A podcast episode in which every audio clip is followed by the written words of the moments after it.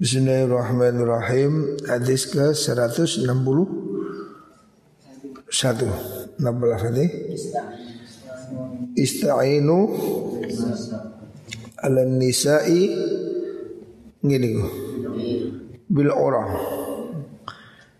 Ista'inu Amriyah betulung siragabe Alan nisa'i ingatasi piro-piro wong wadon Bil aura kelawan CDE sandangan. Maksudnya wanita ini jangan dimanja beli baju. Leiso mutuai nah, Ini wanita ini kadang nggak anu nggak paham. Suka beli baju. Padahal suaminya itu lebih suka dia tidak pakai baju. Fa inna ihdahunna setunai salah suci nisa. Idza kasurat nalikane akeh opo siabuha pakaian nisa. Kenapa wanita itu kok pakaiannya jangan dibelikan banyak-banyak? Sebab kalau pakaiannya banyak Wa ahsanatan bagusakan sopo nisa zinata ing apa pahe sinisa ajabah mongko akan ha ing nisa opo al khuruju metu ya. Kenapa wanita ini jangan dibelikan baju? Karena wanita ini kalau bajunya banyak, aksesorisnya banyak, dia akan jadi senang pergi gitu loh. Ada wedok anyar meceng terus. Ya. Makanya kata Rasulullah Shallallahu Alaihi Wasallam hendaknya perempuan-perempuan ini jangan diberi baju banyak-banyak gitu loh. Memang beda sama laki-laki. Kalau laki-laki kita baju tiga tahun nggak ganti nggak apa-apa. Lek wong wedok setiap resepsi harus ganti. Kemarin pakai baju hijau, besok ada manten kuning, besok lagi biru. Pakai yang kemarin gengsi, wis mari tiga manten. Perasaannya apa wong lek manten mesti nguasno niteni. Oh iki hijau, meni kuning. Ki era aja sebetulnya. Semua orang ini sudah sibuk dengan urusan dirinya sendiri. Cuma kita aja yang gengsi ya. Baju yang sudah dipakai resepsi besok nggak mau pakai lagi, harus ganti. Sehingga perempuan ini bajunya bisa sak truk sak lemari kalau dituruti ya. Lek nuruti sandangan wong wedok, wah. Ya jebol bandari rek. Makanya kata Rasulullah Wasallam wanita ini jangan dituruti teman-teman gitu. Jadi kalau soal beli baju jangan banyak-banyak dibeliin. Karena apa? Semakin banyak bajunya wanita ini semakin suka jalan-jalan, semakin suka pergi. Ya. Biar nggak pergi-pergi, kurangi bajunya. Nah, makanya jangan banyak beli baju setahun sepisan ya cukup. Nah. Karena itu tadi wanita ini memang pesolek, macak. Ya kalau mau cantik memang ya mahal. Ya. Artis-artis itu cantik memang biayanya mahal. Nah, sing murah yo. Udaan beras sing murah. Make up mahal. Ya. Makanya wanita ini semakin sosialita biayanya semakin mahal karena tasnya mahal. Tasnya perempuan itu ada yang satu tas harganya 700 juta. Bayangkan, tas 70 juta biasa, 30 juta umum. Jadi sosialita perempuan ini mahal. Tas itu Her Hermes satu miliar 700 juta. Tas toh. Padahal di sini kangkung gak sedang. Tas kecil isinya cuma dompet setengah M. Sampai ada persewaan tas. Jadi wanita ini demi gengsi supaya tasnya ganti-ganti. Itu ada persewaannya sehingga sekarang bawa tas kuning, besok tas hijau, besok tas menceng, besok tas embuh, modelnya banyak ya. Ini kalau dituruti aksesorisnya ini nggak habis-habis. Makanya Apa kata Rasulullah Sallallahu Alaihi Wasallam? Hendaknya kamu kendalikan ya istainu ya. Kendalikan istrimu itu bil ura dengan sedikit pakaian. Ura itu mana asalnya muto. Jadi biarin dia nggak keluar itu jangan dikasih baju. Dia gengsian. Baju yang kemarin gengsi dia nggak mau. Ini umum ini Begitu itu. Wanita ini setiap resepsi ganti baju. Malu. Kemarin sudah dipakai resepsi Pakai lagi malu Padahal resepsi kemarin yang lihat cuma berapa orang Dari berapa orang itu ya nggak semua merhatiin kalau bajunya kuning Banyak orang yang resepsi itu lebih memperhatikan hidangannya. Enak nggak sih soto nih? Nggak nggak ngeliatin bajumu gitu. Kita aja yang banyak gengsi. Ya, makanya jangan banyak-banyak. Istainu beliau istaqimu. Nah, selanjutnya istaqimu. Tadi hadis riwayat rawahu Ibnu Adi an Anas. Istaqimu podo istiqomah sira kabeh. Hendaknya kamu itu berusaha istiqomah. Istiqomah itu kontinu ajak ya. Hendaknya kamu ini berusaha untuk melakukan pekerjaan itu dengan istiqomah. Ajak ya. Jangan melakukan pekerjaan ini neko-neko sergep sebisan meni leren kadung sergep moco yasin bin satus Terus 10 tahun gak moco Nggak usah Allah tidak suka begitu Wa ni'imma inistak Inis Wa ini imma anistaqamtum Wa ni'imma lan iku sak bagus-bagus sih Alangkah baiknya. Inistaqamtum Apabila kamu istiqomah. Namun istiqomah sobo sirakabe ya. Kalau kamu istiqomah itu alangkah bagusnya gitu Oh, bacaan fathah hamzah ya. Anis taqamtum begitu. Wa ni'ma anis taqamtum. Anta yentoh nah gitu.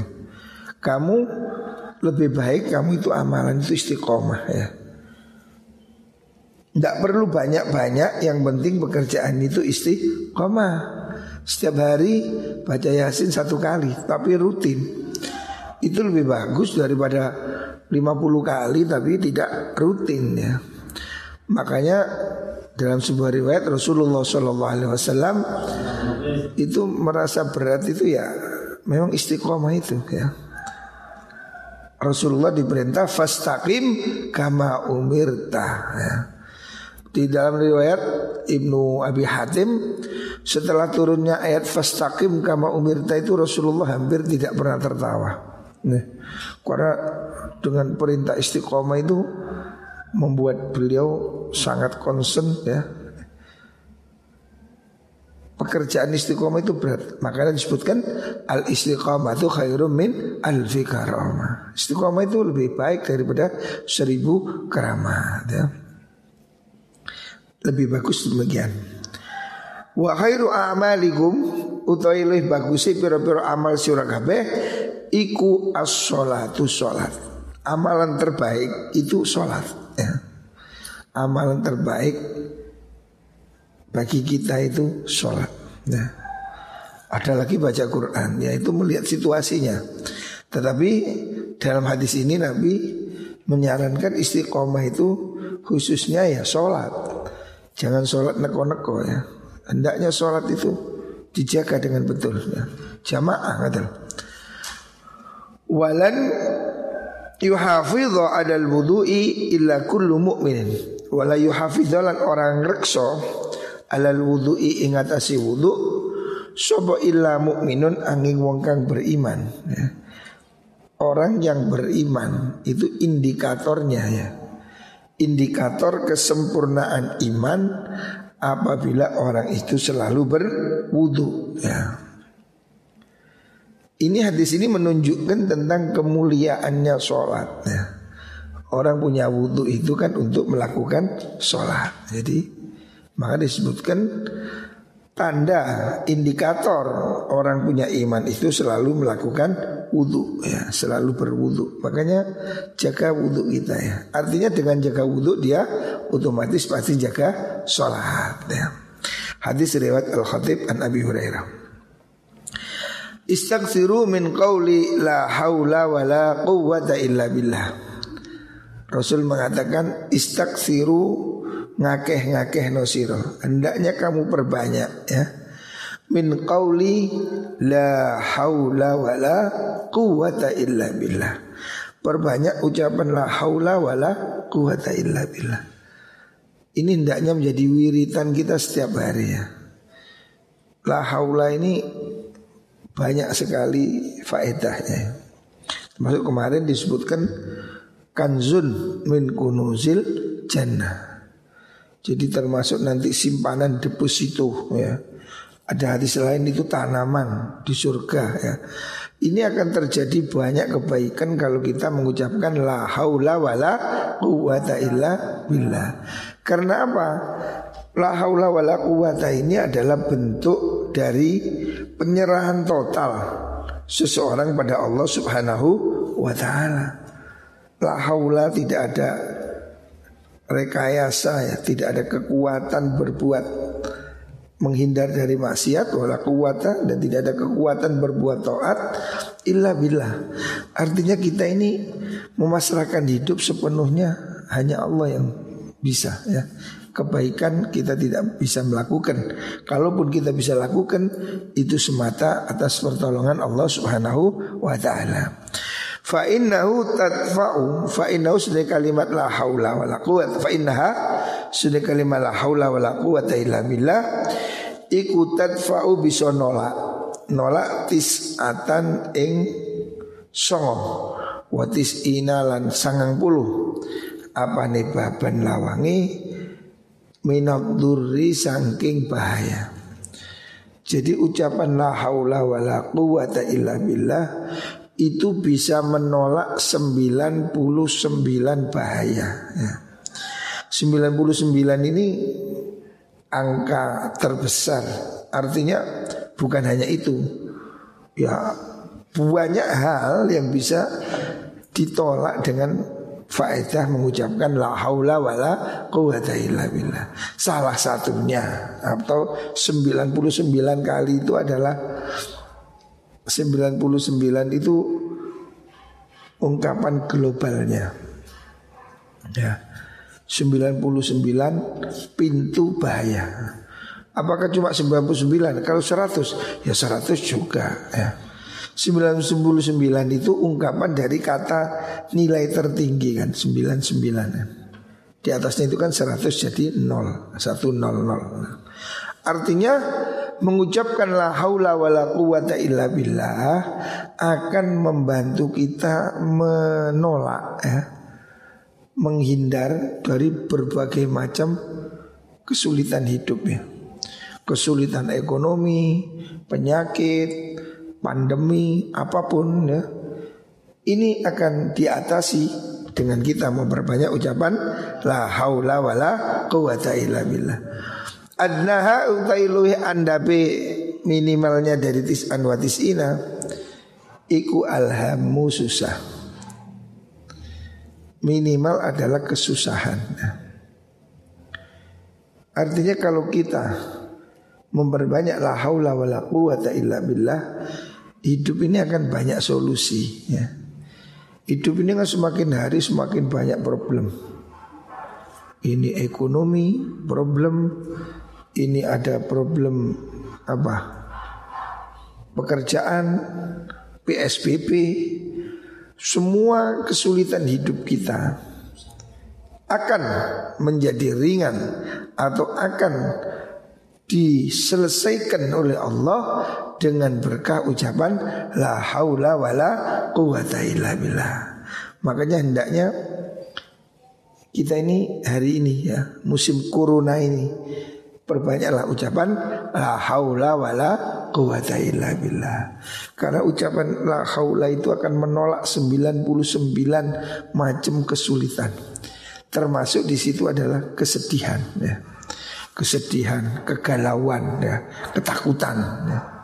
Kita ini kan dibayang-bayangi ketakutan corona, nah, covid 19. Makanya solusinya apa? Sedih tidak menyelesaikan masalah, nangis tidak selesaikan masalah. Ikhtiar ya.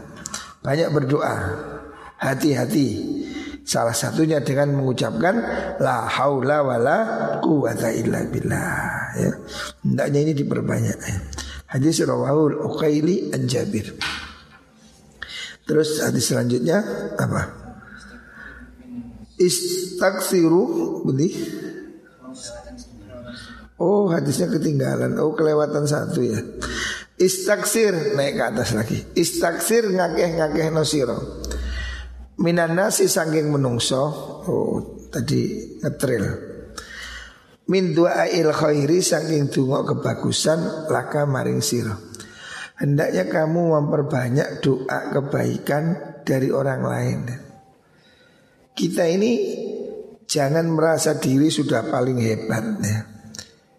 Hendaknya kita memperbanyak doa dari orang lain Apalagi orang-orang khusus ya ahli ibadah, orang-orang zuhud, para ulama ya. Meskipun mereka itu tidak terkenal ya. Jadi jangan hanya yang dimintai doa yang surbannya double tiga. Ya. Orang-orang kecil, orang-orang lemah itu doanya manjur ya.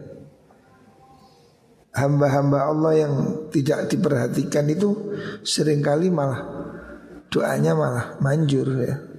Dalam hadis Rasulullah Sallallahu Alaihi Wasallam ada anjuran untuk mengakukan itu ya. Dalam sebuah riwayat Syekh Ma'ruf Al-Qurhi ya. Ma'ruf Al-Qurhi ini nama wali besar ya. Syekh Ma'ruf Al-Qurhi itu pernah berjalan melewati tukang kasih minum sakok Kan di Arab itu ada tradisi memberi minum ya memberi minum kayak kita mau tawaf kita mau ada orang yang ngasih minuman ya. itu sejak lama tradisi untuk memberi minum orang lewat ya. Syekh Ma'ruf Al-Qurhi ini wali selalu puasa suatu saat dia lewat ada orang beri minum dia mengatakan rahimallah mayyashar Semoga Allah merahmati orang yang mau minum dari minuman saya. Jadi orang ini ada yang kerjaan itu memang beramal untuk ngasih minum orang bawa kendi. Gitu. Jadi dia mengatakan semoga Allah merahmati orang yang mau minum. Seketika Syekh Maruf al itu minum. Ada orang berdoa begitu, walaupun ini tukang tukang ngasih minum, ini pekerjaan yang dianggap tidak keren lah. Itu sesuatu yang biasa lah, bukan istimewa. Syekh Marwal Karki mendengar orang kasih minum bilang rahimallah man yashalab. Semoga Allah merahmati orang yang mau minum. Beliau langsung ngambil gelas minum. Oh, sahabatnya heran. Loh, bukankah penjenengan Maruf al ini wali, tokoh besar? Sahabatnya mengatakan, lu anda kan puasa. Kok minum? Dia bilang, iya saya niat puasa Tetapi saya berharap doa orang ini. Loh, orang sekelas saya Ma'ruf Al-Qurhi aja Memperhatikan doa tukang air ya.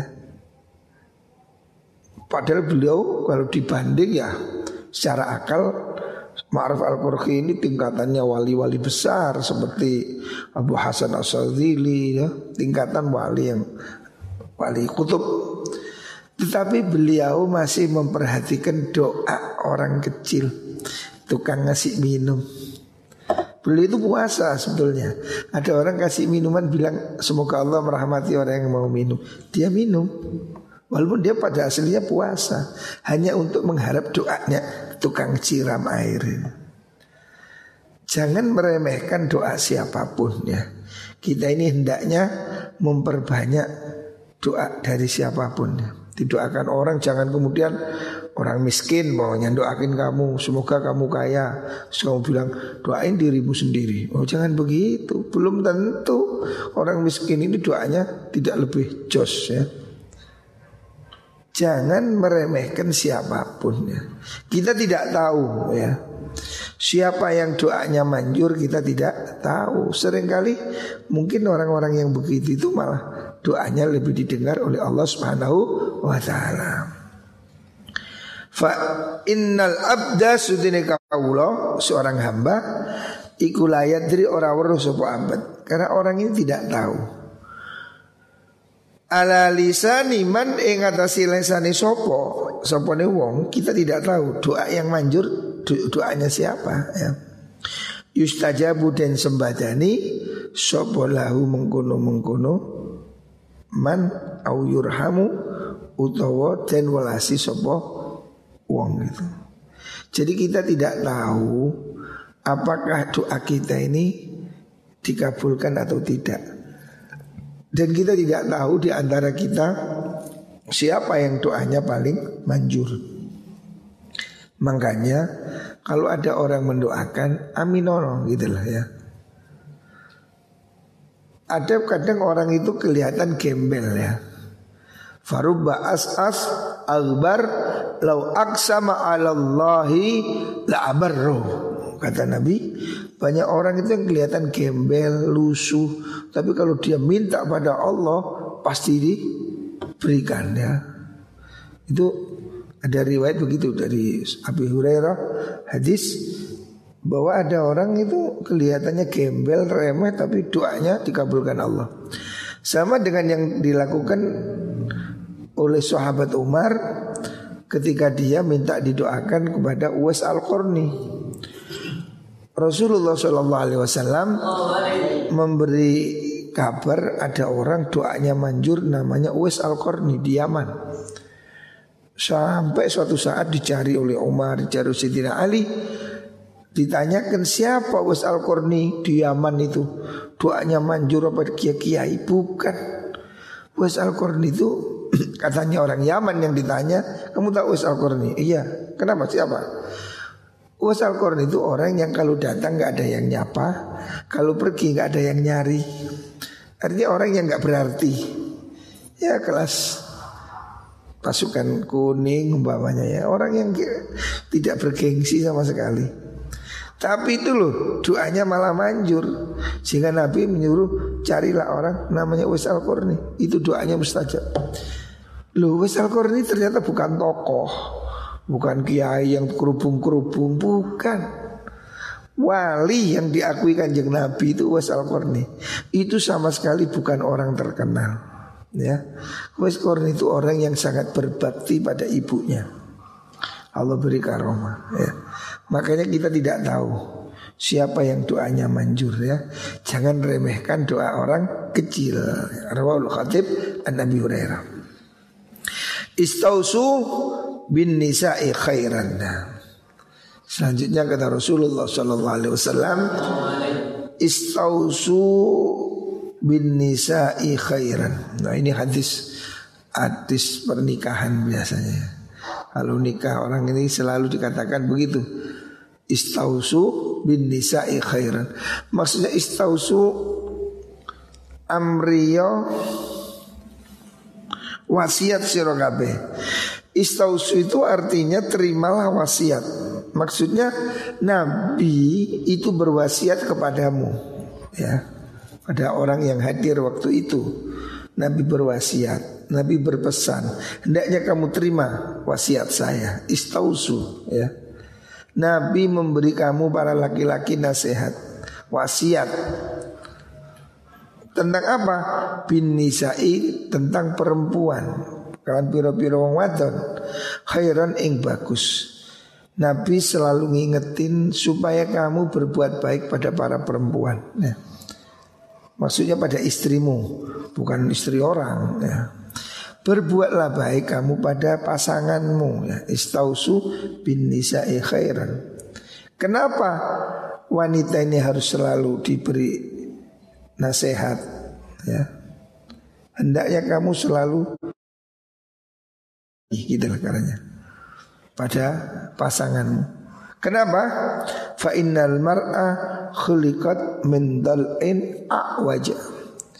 Kenapa? Fa innal mar'a karena perempuan itu hulikot di mana Indonesia begini Itu hulikot diciptakan Siapa imro'ah hmm. Tadi akan Sopo imro'ah ya. Min dilain Min dilain kalau jamaknya Saking piro-piro iko bekas hmm. Iko bekas Tulang rusuk maksudnya Awaja kang bengkong. Wanita itu diciptakan dari tulang rusuk yang bengkok. Wanita itu diciptakan dari tulang rusuk. Tahu tulang rusuk? Ya. Tulang rusuk ini Ini namanya rusuk Tulang dada ini lah Kamu tahu tulang ini kan bengkok tuh Lalu tulang ini kenceng ya apa lah kayak robot nah, Tulang rusuk kita kan bentuknya begini lah tulang dada inilah eh, tulang rusuk. Tulang rusuk ini bengkong. Kau nak tulang rusuk kenceng, nak kayak robot. Nah, tulang rusuk bengkok. Wanita itu diciptakan dari tulang rusuk. Kenapa? Tulang rusuk kamu tahu di mana tempatnya tulang rusuk? Sini loh, tulang rusuk ini. Ya. Dari tulang rusuk, bukan dari tulang kaki. Jadi wanita itu bukan diciptakan dari tulang kaki untuk diinjak dan bukan diciptakan dari tulang kepala untuk dijunjung-junjung. Tapi wanita itu diciptakan dari tulang rusuk yang dekat dengan hati. Kan hatimu ada di sini. Artinya wanita itu diciptakan dari tulang rusuk yang dekat dengan hati untuk dicintai. Ya. Dekat dengan tanganmu untuk apa? Dilindungi. Ya. Tuhan ini kasih ibarat luar biasa. Jadi wanita itu harus harus dijaga, dilindungi ya. Bukan dari kaki untuk diinjak, bukan dari kepala untuk disunjung ya. Wong wedok disundung wah yang dati ya. Tapi harus dijaga. Dia diciptakan dari tulang rusuk. Dan tulang rusuk itu bengkok, tidak ada tulang rusuk kencang, pasti bengkok. Wa inna a'waja syai'in. Setune luwih bengkok suci-wici Fidilai dalam pira-pira. Iko tulang ika ini tulang apa rusuk ini tulang ika. Iku a'lahu luwih dure mengkuno uh, syai' itu A'waj Tulang rusuk yang paling bengkok itu yang sebelah atas Ya. Artinya apa? Nabi mengibaratkan itu fa in dhahabat lamun fa in dhahabta. Lamun budalan siro kalau kamu bertindak tukimu halin jejekaken sirohu ing mengkono dilun kasar tahu mongko mecahaken sirohu ing dilun wanita ini seperti tulang iga kalau ini bengkok tulang iga itu bengkok kalau kamu paksa kamu kenceng no, kalau kamu luruskan dengan keras patah. Ya. Tulangnya tidak bisa itu kenceng no, ya oleh plastik. Ya. Tulang iga tidak terbuat dari karet. Ya. Tulang. Artinya wanita ini pada prinsipnya memang bengkong. Ya tidak lurus bengkok. Tapi kalau kamu luruskan dengan keras patah. Ya seperti itulah perempuan. Kalau kamu kasar dikit puri, ya. purian, ngambekan, jekotan. Ini suatu yang wedok nih. Coba wong wedok sentak yo cucu, ya, kayak curut ngono hari ini. Wasnoe guys. Wanita ini kalau kamu kasari patah dia, ya, tidak bisa dikasar, ya. Tapi wa intarok tahu kalau dibiarin ya bengkong. Nah, ya pancet aja delutur ae. Nah. Wong bengkok, artinya bengkok itu kan nggak cicak, nggak lurus. Diluruskan patah, dibiarin bengkok. Nah, in wa in budiwau tarok tahu kalau kamu tinggalkan, kamu biarin bengkok. Yo ya melazal lam yazal awaj. Dia akan terus bengkok. Lam yazal mengko ora leren-leren sapa imro'a iku wajah bengkok. Kalau kamu biarkan dia akan terus bengkok. Artinya dia tidak jadi baik. Ya. Wanita itu memang punya kecenderungan untuk bengkok. Hura-hura, suka begini, suka begitu yang tidak bagus. Tapi kalau kamu paksa lurus dia akan patah. Kalau kamu biarkan ya bengkok terus, ya dal dulu terus, ya tambah mengong, tambah delondong. Nah. Makanya fastausu bin nisa'i khairan. Solusinya fastausu mongko amri wasiat sira kabeh bin nasi kelawan bin nisa'i kal pira-pira wong wadon khairan ing bagus. Makanya kamu harus terus berusaha memperbaiki dengan baik-baik. Ya. Jadi wanita ini tidak bisa dibiarkan. Kalau kamu biarkan, ya dia akan terus begitu ya. Kecenderungan perempuan itu bengkok. Ya suka hal-hal yang negatif ya dalam tanda kutip. Maka dia harus selalu diberi nasihat diarahkan pelan-pelan. Kalau kamu kerasi patah kalau dibiarin bengkok gimana? Ya harus di, diatur ya. Ritmenya kamu sebagai suami ya, laki-laki kamu harus bisa mengendalikan itu. Makanya menurut Al-Quran ya Allah mengatakan dalam Al-Quran Walati takhafuna nusyuzahunna fa'idhuhun. Nah, Solusi dalam rumah tangga kalau terjadi perempuan ini Mau nusus tidak taat Maka solusinya adalah fa'idhuhun Beri dia nasihat. Harus ada komunikasi yang baik antara suami istri. Karena wanita ini nggak bisa dibiarin. Kalau kamu biarkan sakarpe yo gak sembahyang subuh turu ae yo gak masak yo gak sembayang yo gak lapo-lapo semlungker kayak garangan kayak terenggiling. Ya dia jadi rajin itu karena kamu dorong, ayo tangi subuh kukai, ayo masak, ayo begini maka dia jadi baik. Tapi kalau wanita itu kamu biarin, eh, suka-suka kamu, yo kedaten kon jadi babu nih bisa non. Artinya kamu akan menjadi hidup susah. Kamu akan susah kalau kamu tidak bisa mengendalikan istrimu. Itu hidupmu akan menderita betul. Makanya Al-Quran mengatakan Ar-rijalu qawwamuna 'alan nisa. Laki-laki itu harus bisa jadi pemimpin. Kalau laki-laki tidak tegas, opo cari sing wedok, hancur sudah. Itu namanya demokrasi panci. Sing wedok dadi lanang, sing lanang dadi wedok. Wah, tidak ada kebahagiaan itu harus pada porsinya.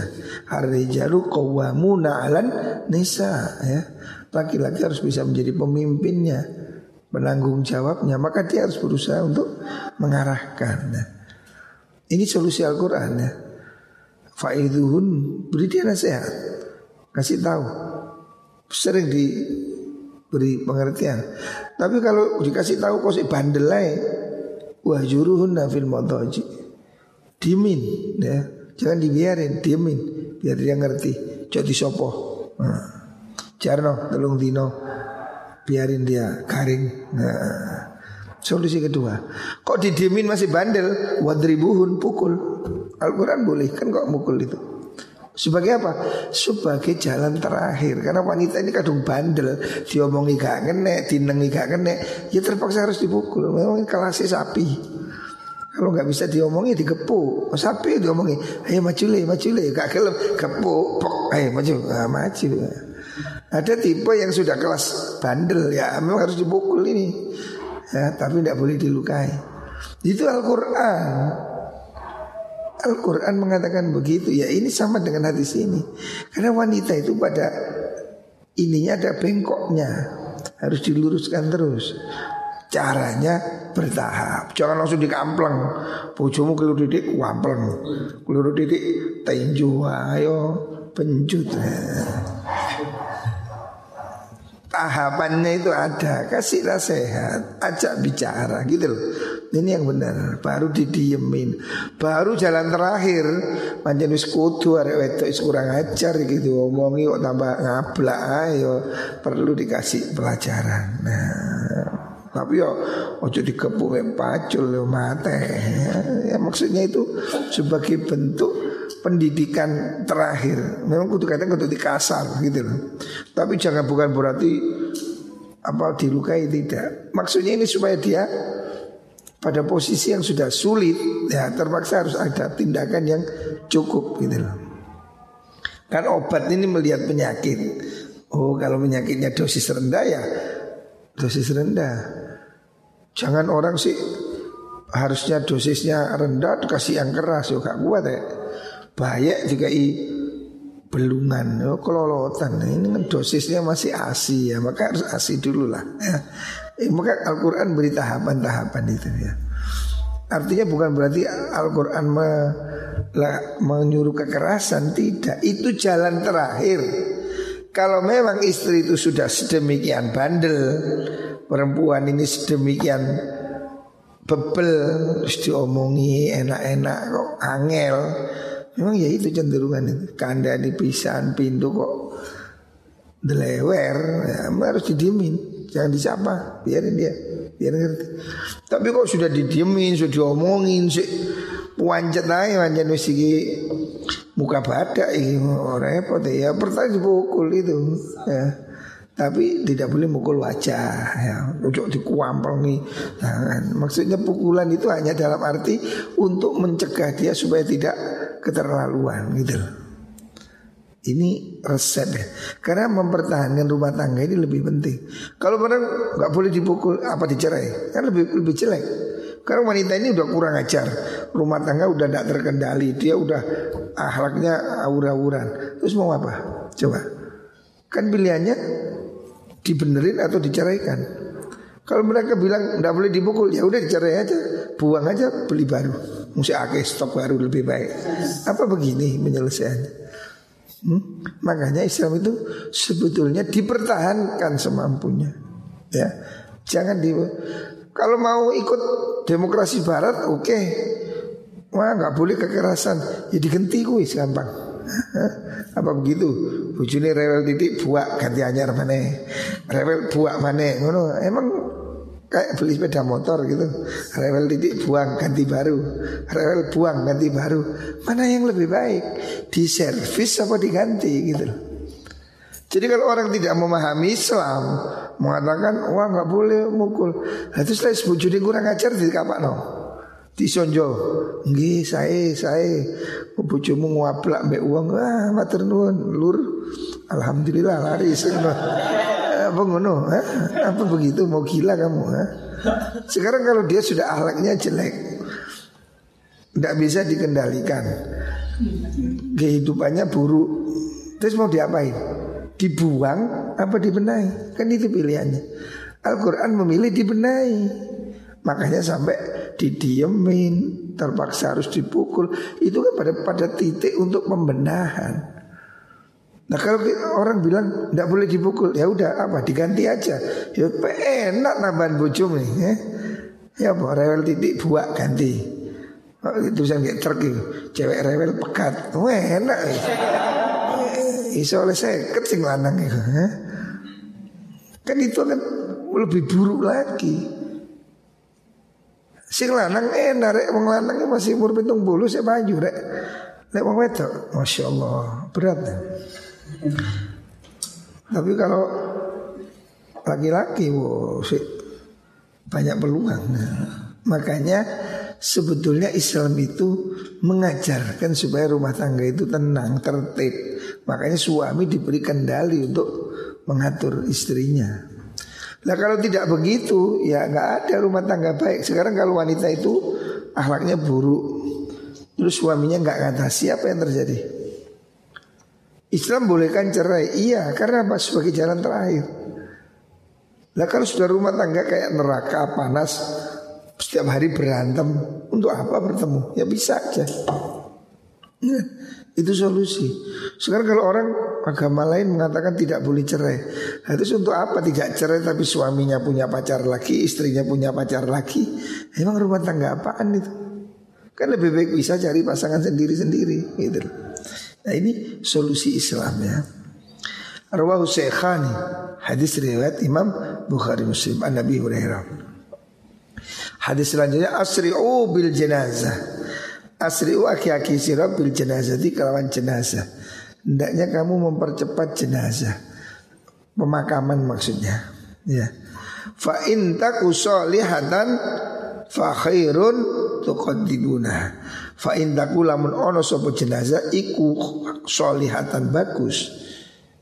Kalau mayatnya itu mayat orang baik, fa khairun mongko iku kebagusan tuqaddimuna kang ngajuaken sira ha ing mengkono salihah ilahi maring iya jenazah ilahi ha ing jenazah ilahi maring khair.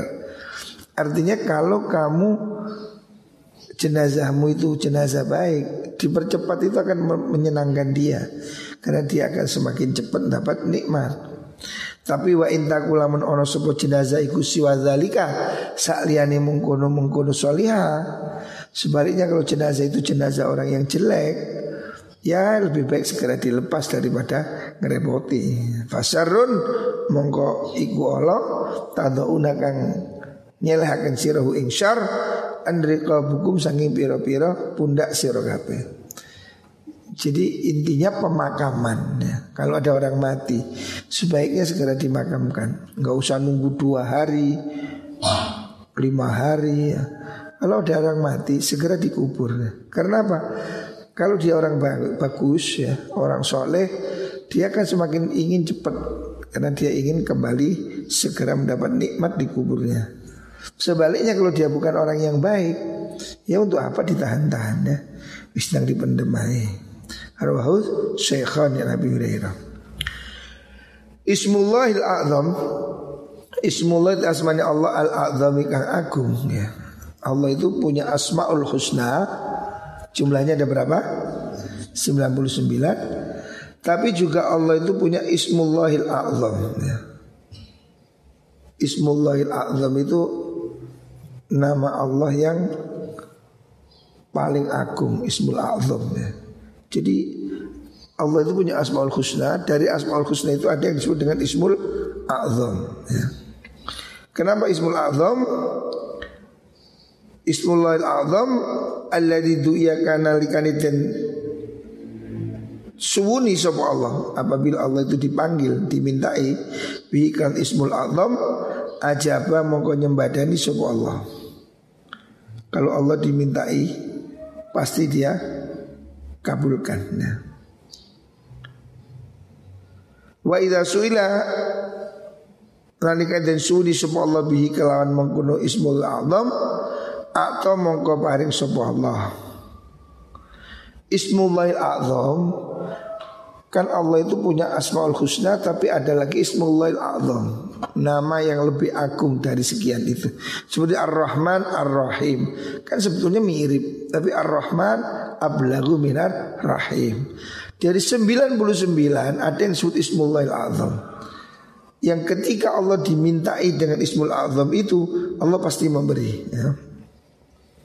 Lah apa Ismul Azam itu Iku dakwatu Yunus Dungone Nabi Yunus Ibni Mata Doanya Nabi Yunus itu menyangkut Ismul Azam Apa doanya Nabi Yunus?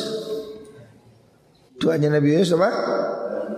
La ilaha illa anta subhanaka inni kuntu minal zalimi.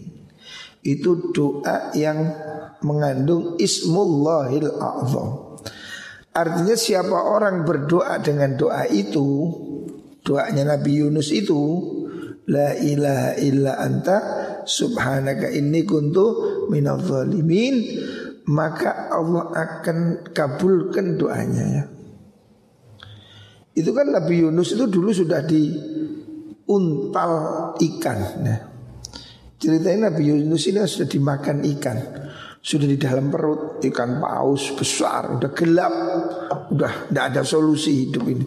Bayangkan di dalam mulutnya ikan. Ya kan kegelapan di atas kegelapan sih. Problem kita ini mungkin membuat hidup ini gelap. Hari ini corona ekonomi gelap Tetapi kan tidak segelap itu ya Segelap Nabi Yusuf itu kan sudah Nabi Yunus itu gelap sekali ya Sangat gelap ya. Problem yang kompleks ya Itu kan ibarat ya Percontohan Nabi Yunus di dalam perut ikan Itu kan dalam kondisi yang Cara bahasa sekarang hopeless, nggak ada harapan, nggak ada telepon, nggak ada siapa yang bisa bantu di dalam perut. Tapi kemudian Nabi Yunus berdoa, La ilaha illa anta subhanaka inni kuntu minal zalimi. Loh pengakuan tauhid la ilaha illa anta subhanak. Inni kuntu minadh dhalimin. Ngakui kesalahan diri. Kehidupan yang sulit sesuatu problem masalah hidup itu karena kita ini banyak zalim banyak dosa. Maka mengakui la ilaha illa anta subhanaka inni kuntu minadh dhalimin. Kemudian setelah itu Allah turunkan pertolongan. Fanajaina ya. Allah berikan pertolongan Makanya ini salah satu doa yang perlu dibaca ya. Kita perlu banyak baca doa ini La ilaha illa anta subhanaka inni kuntu minal zalimin Muka-muka dengan banyak doa ini kita diselamatkan Allah ya. Termasuk dari problem hari ini Semoga di, segera dihilangkan oleh Allah subhanahu wa ta'ala Berbanyak membaca La ilaha illa anta Subhanaka inni kuntu minal zalimin